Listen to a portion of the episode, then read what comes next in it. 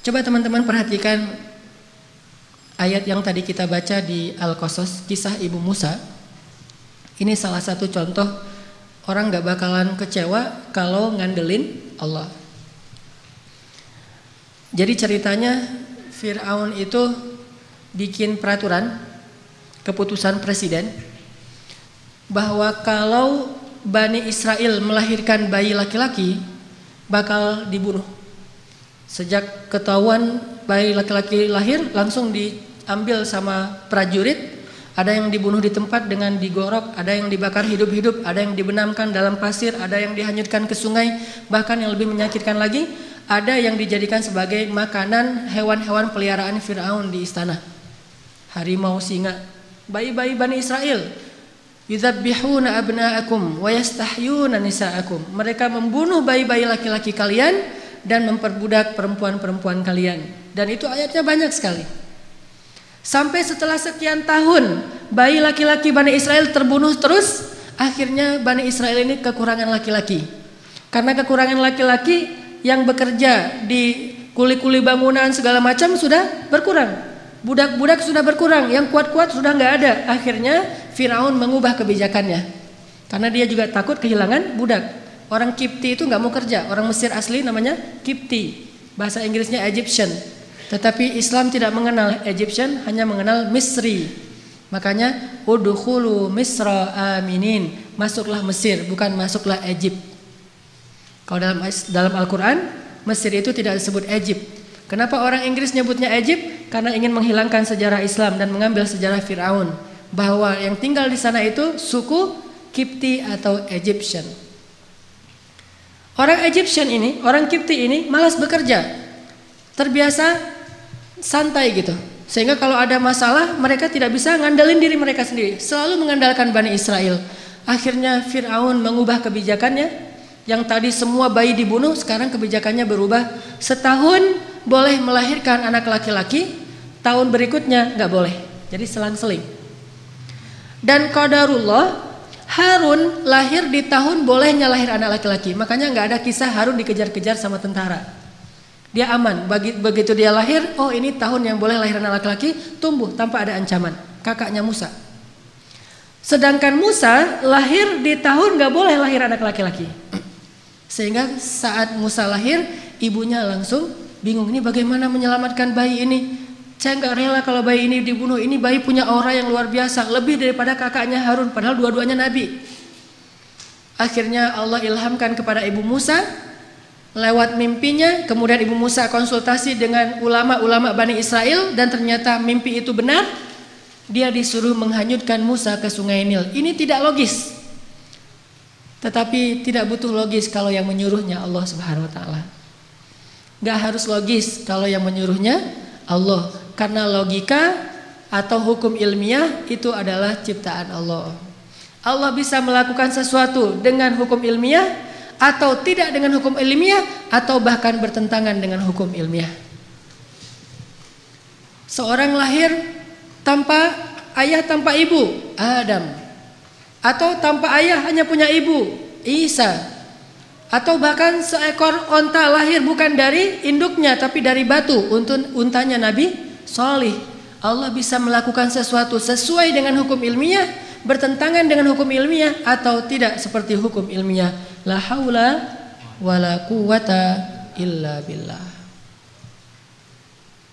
Sehingga akhirnya setelah diyakinkan oleh banyak ulama, banyak kiai-kiai Bani Israel Bu, hanyutkan bayinya ke sungai Nil, serahkan sama Allah, udah biarin aja Allah yang ngurus. Tapi nanti kalau hanyut gimana? Nanti kalau dimakan kuda Nil gimana? Nanti kalau sampai ke Sudan kan Nil itu panjang ya, melintasi dua negara, Mesir dan Sudan. Tapi kemudian diingatkan lagi, Allah tidak akan mengecewakan. Bukankah Allah mengatakan, kami pasti akan mengembalikannya kepadamu wahai ibu Musa?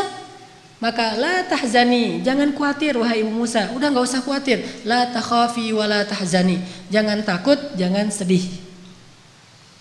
Jadi kalau kita udah benar-benar bersandar sama Allah, hilang rasa takut yang berlebihan. Galau yang berlebihan itu hilang. Jadi orangnya santai, udah tenang aja ada Allah. Akhirnya Ibu Musa menghanyutkan bayinya ke sungai Nil dengan sebuah tabut kayak keranjang gitu. Dan Allah punya skenario yang sangat unik.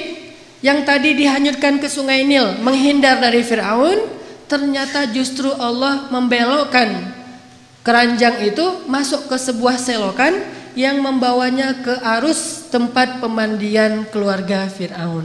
Jadi dihindarkan dari Firaun, eh malah didatangkan kepada Firaun. Ini unik skenario Allah. Makanya gak harus logis untuk taat. Taat aja, ntar Allah memberikan kita pemahaman.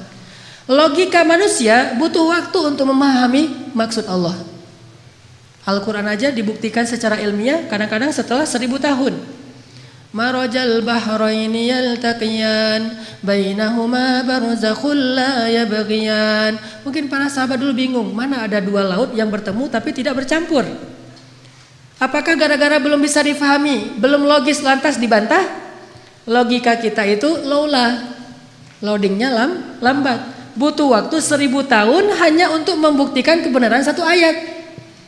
Coba kalau belum terbukti kita nggak beriman, butuh seribu tahun. Usia kita cuma 60 tahun. Maka katakan saja sami'na wa ata'na serahin sama Allah.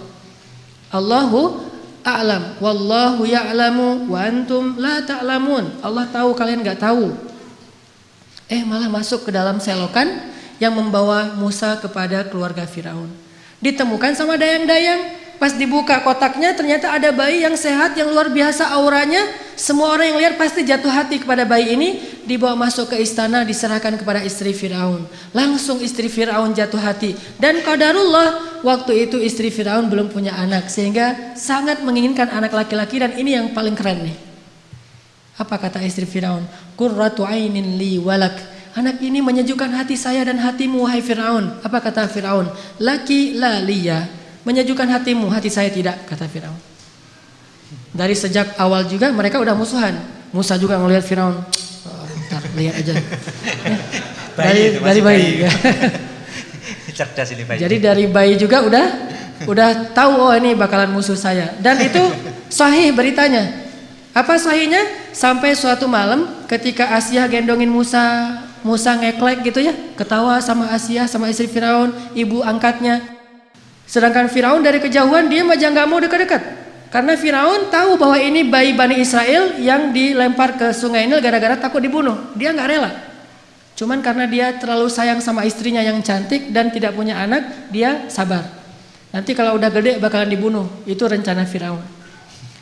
Sehingga akhirnya Asia bilang pada Firaun, "Ya Azizi," itu panggilan Firaun dari istrinya. "Wahai suamiku tercinta, ya Azizi, coba kamu gendong bayi ini, dia lucu loh." Kamu selama ini mungkin belum pernah coba aja, coba coba coba gitu. Diantarkan kepada Firaun. Kata Firaun, "Moh, moh, moh" gitu ya. Bahasa Arabnya moh. Enggak, enggak, enggak, enggak gitu. Enggak, kamu coba aja. Akhirnya karena dipaksa sama istrinya, dia pegang sama Firaun. Begitu dipegang, Musa yang tadi ngeklek, ketawa, tiba-tiba cemberut. Tadi ha, ini orang wajah Firaun gitu kan musuh saya. Langsung berubah wajahnya Musa sehingga Firaun nanya pada Asia, "Ya Asia, ini kenapa dia tiba-tiba kok cemberut sama saya?" Kata Asia, "Mungkin kalian belum terlalu dekat. Coba kamu dekat lagi. Kan ini baru pertama digendong." Oh, gitu. Didekapin. Pas udah didekapin agak dekat ke wajahnya Firaun, Musa mengambil janggut Firaun, ditarik sampai copot janggutnya Fir. Tercabut janggutnya Firaun. Orang zaman dulu raja-raja kan janggut Firaun tuh panjang yang terbentuk gitu kan ya, hmm. yang kayak kotak gitu. Itu ditarik sama Musa, banyak dari janggut-janggut Firaun itu sampai uh, apa? tercabut, rontok dan mengeluarkan darah sehingga Musa dilempar oleh Firaun karena Firaun marah kepada Musa. Dari kecil juga mereka udah musuhan. Dan Musa itu dari kecil juga lebih daripada Herku, Hercules, udah punya kekuatan. Nabi paling kuat tuh Musa. Musa. Pas dilempar, akhirnya Asia sedih mengambil bayinya di dekat Musa nangis seperti bayi biasanya. Firaun mengatakan, besok akan saya bunuh nih bayi. Ternyata dia benar nih seperti dalam mimpi saya. Anak ini yang sepertinya akan mengganggu kekuasaan saya. Besok harus saya bunuh. Kata Asia, jangan dia kekasih saya, jangan segala macam. Sekarang Firaun sudah murka. Akhirnya diumumkanlah ke seantero Mesir bahwa besok dia akan membakar hidup-hidup seorang bayi Bani Israel di depan orang banyak sebagai pelajaran. Terkumpullah orang di lapangan besar di depan istana. Pada subuh hari itu Allah memberi ilham kepada Asia sebuah ide. Di begini cara Allah menolong hambanya. Ketika mau dibunuh oleh Firaun, Asia bilang gini, "Wahai Azizi, saya ingin sebelum engkau menyakiti anak ini, kita buktikan dulu kejadian semalam itu murni karena memang dia sadar atau karena dia nggak ngerti, anak kecil." Kalau dia nggak ngerti, maafkanlah dia. Namanya juga anak kecil. Tapi kalau dia sadar karena emang dia seperti mimpimu, maka silahkan kamu bunuh. Gimana cara ngebuktiinnya? Kata Asia, letakkan bayi ini di tengah. Terus di sebelahnya ada bara api, sebelah lagi ada roti dan madu. Bayi ini sudah bisa merang, merangkak. Kalau dia menuju kepada bara api dan memakan bara api itu, berarti dia bayi yang nggak tahu apa-apa. Maafkanlah dia. Tapi kalau dia menuju ke madu dan roti, berarti dia bayi yang sudah mengerti. Silahkan kamu bunuh dia. Ini mengambil resiko. Dan ini hanya satu-satunya cara terakhir untuk menyelamatkan Musa. Karena difikir oleh Firaun logis juga, ya sudah, kita coba taruh Musa di tengah, bara api di sebelahnya, bara, kemudian roti di sebelahnya. Musa bangkit dari duduknya, tiba-tiba menuju kepada bara api, diambil dengan tangannya, dimakan oleh Musa. Lalu dia menangis. Sejak saat itu cacatlah lidah Musa baru sembuh pas nanti mau berdakwah dan berdoa Rabbi syrah li sadri wa yassir li amri wahlul 'uqdatam min lisani. Ya Allah sembuhkanlah kekeluhan di lidah saya. Itu keluh gara-gara waktu bayi makan bara api. Tapi gara-gara makan bara api, akhirnya Firaun sadar nih bayi emang nggak ngerti apa-apa. Salah dia menarik janggut saya itu karena emang dia nggak ngerti. Akhirnya dibebaskan dan Musa bisa tinggal dan selamat. Begitu cara Allah menyelamatkan. Kita balik lagi ke adegan tadi, ditemukan oleh Asia. Hari pertama ditemukan Musa nangis di istana karena haus. Udah dari sejak tadi belum minum ASI. Karena haus, akhirnya istana membuat semacam audisi menyusui. Jadi kalau di kita ada audisi Got Talent dalam segala macam, ini Got Talent menyusui. Hadiahnya berkeping-keping uang emas Siapa yang bisa menyusui bayi istana akan diberikan harta yang sangat banyak sehingga banyak ibu-ibu yang ikut audisi pengen mendapatkan golden ticket. Ngantri ini, wah, ah, selfie-selfian gitu di depan istana Firaun. Wah, ikut audisi, ikut audisi gitu ya. Datang menyusui. Gagal yang satu, gagal, gagal, gagal aja terus. Kalau dalam bahasa sekarang, kalau aku sih yes, nggak tahu Mas Anang gitu ya. gagal aja nggak ada yang lulus audisi. Ternyata di baris terakhir dari antrian itu ada mbaknya Musa yang nggak disebutkan namanya. Jadi keluarga Musa ini ada tiga orang soleh, kakaknya Harun, kemudian mbaknya yang nggak disebutkan namanya, kemudian Musa. Ini tiga-tiganya anak-anak yang soleh soleha. Mbaknya Musa tadi ditugaskan oleh ibunya mencari berita tentang adiknya, tentang bayi Musa. Mbaknya ikut antrian, padahal masih ABG, tapi pengen nyusuin kan ini agak aneh nih. Sehingga pengelola bilang kamu mau ngapain? Mau ikut audisi. Lah, ini untuk orang yang sudah punya anak. Tetapi saya bisa menawarkan orang yang baik untuk bisa menyusui bayi itu. Setelah debat panjang, akhirnya ikut juga. Ternyata ini yang lulus audisi. Kalau aku sih yes gitu. Apa kata dia kepada keluarga Firaun? Maukah kalian saya tunjukkan keluarga yang bisa menyusui dan berlaku baik kepada anak ini? Kata Asia, ya sudah bawa mereka ke sini. Kalau mereka bisa, nanti saya kasih hadiah yang banyak. Pulang langsung si mbaknya Musa lari ke rumah, mak, mak gitu.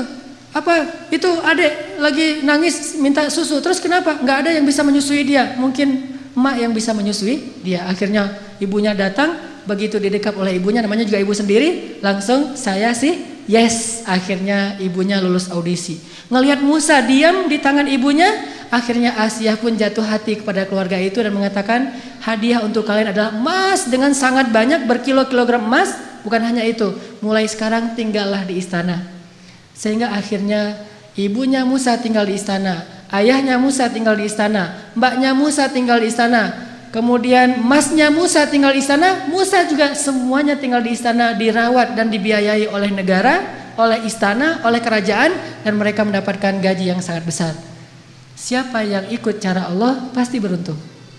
Bayangin kalau dulu ibu Musa nggak percaya dengan perintah Allah, Masa sih dihanyutin ke sungai Nil segala macam? Mungkin selamanya mereka jadi buronan. Pindah-pindah dari satu negeri karena takut dikejar oleh tentara Firaun dan selamanya miskin. Tapi karena dia ikut cara Allah, wa yaj'al wa min haitsu ومن يتق الله يجعل له من أمره يسرا Siapa yang bertakwa atau taat kepada Allah, Allah kasih jalan keluar. Siapa yang taat kepada Allah, Allah kasih rezeki yang tidak terduga-duga. Siapa yang taat kepada Allah, Allah mudahkan setiap urusannya. Keep the faith, as billah, percaya deh sama Allah.